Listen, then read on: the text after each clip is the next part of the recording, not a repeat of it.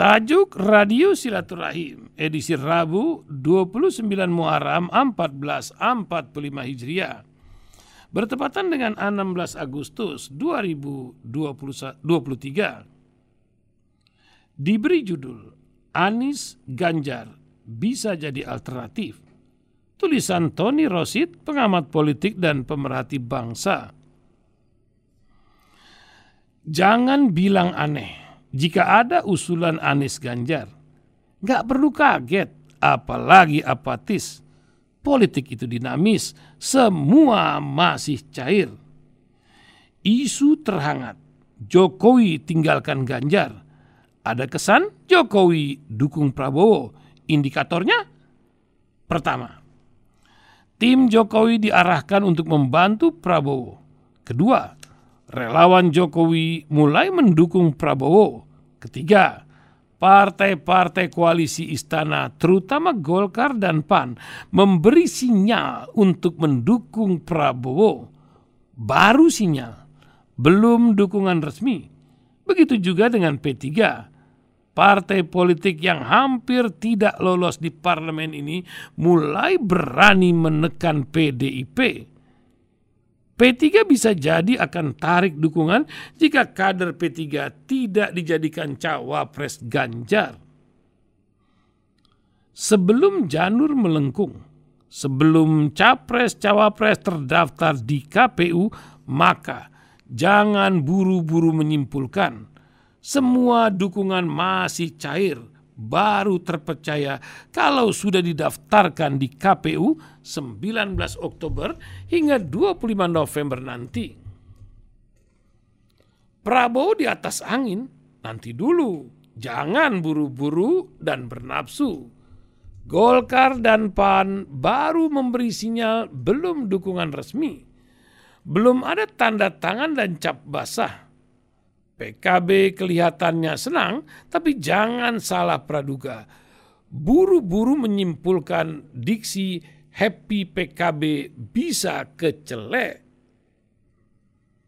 Anda perlu tahu, Muhaimin Iskandar alias Caimin, ketua umum PKB ini, jangan Anda pikir bisa terima jika dia tidak dipilih jadi cawapres oleh Prabowo. Bisa mencelat sayonara lambaikan tangan sama Prabowo, goodbye. Sementara Partai Amanah Nasional membawa nama Erick Thohir. Kalau Erick Thohir gak jadi cawapres Prabowo, PAN ya bisa goodbye juga. Sementara Golkar, Anda tahulah kalau Golkar itu partai besar. Perolehan suaranya saja di DPR 12 persen. Akan begitu sajakah serahkan partainya tanpa minta cawapres? Nanti dulu, Golkar ini pemain yang piawai. Kenapa? Partai-partai ini kirim sinyal seolah akan dukung Prabowo. Bersamaan dengan P3, partai kecil yang mencoba tekan PDI dengan proposal calon wakil presidennya. Ini semua ada dirijennya. Ada garis komando, satu komando kasih sinyal dukungan ke Prabowo, apa artinya? Ini nggak lebih dari manuver kepada PDIP agar istana diberi ruang untuk ambil bagian dan peran di pencapresan Ganjar. Itu saja agar PDIP mengubah fakta integritas dan tidak memberikan otoritas ke ketua umum PDIP saja. Apakah pressure dan manuver istana berhasil? Kemungkinannya 50-50 ya. Bisa berhasil, bisa juga tidak. Kalau tidak berhasil, kemungkinan besar istana akan tetap dukung Prabowo. Boleh jadi malah akan memajukan pasangan Prabowo Gibran bergantung putusan Mahkamah Konstitusi atas gugatan PSI yang minta usia cawapres minimum 35 tahun.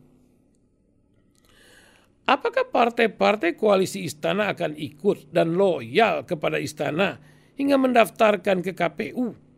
Tidak ada yang menjamin. Di akhir jabatan presiden, dukungan kepada istana dengan sendirinya akan pelan-pelan semakin melemah.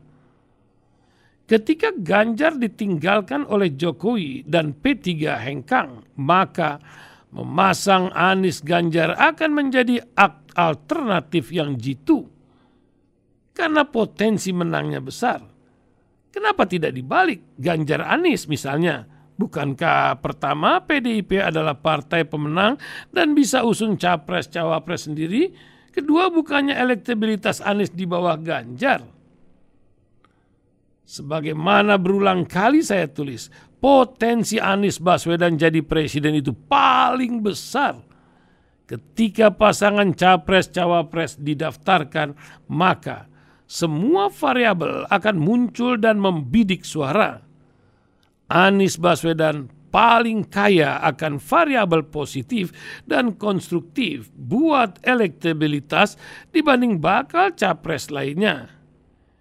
Ini telah teruji di pemilihan gubernur DKI 2017. Tidak sama persis, tapi mirip. Di sisi lain, elektabilitas Ganjar itu bubble seperti gelembung, mudah kempes. Sekali ditinggal Jokowi dan P3 langsung kempes. Dalam situasi seperti ini, pilihan paling ideal bagi Ganjar adalah mengalah untuk menjadi calon wakil presiden Anies. Kalau Anies Ganjar dipasangkan, peluang memenangkan Pilpres 2024 akan sangat besar. Wallahu a'lam bishawab.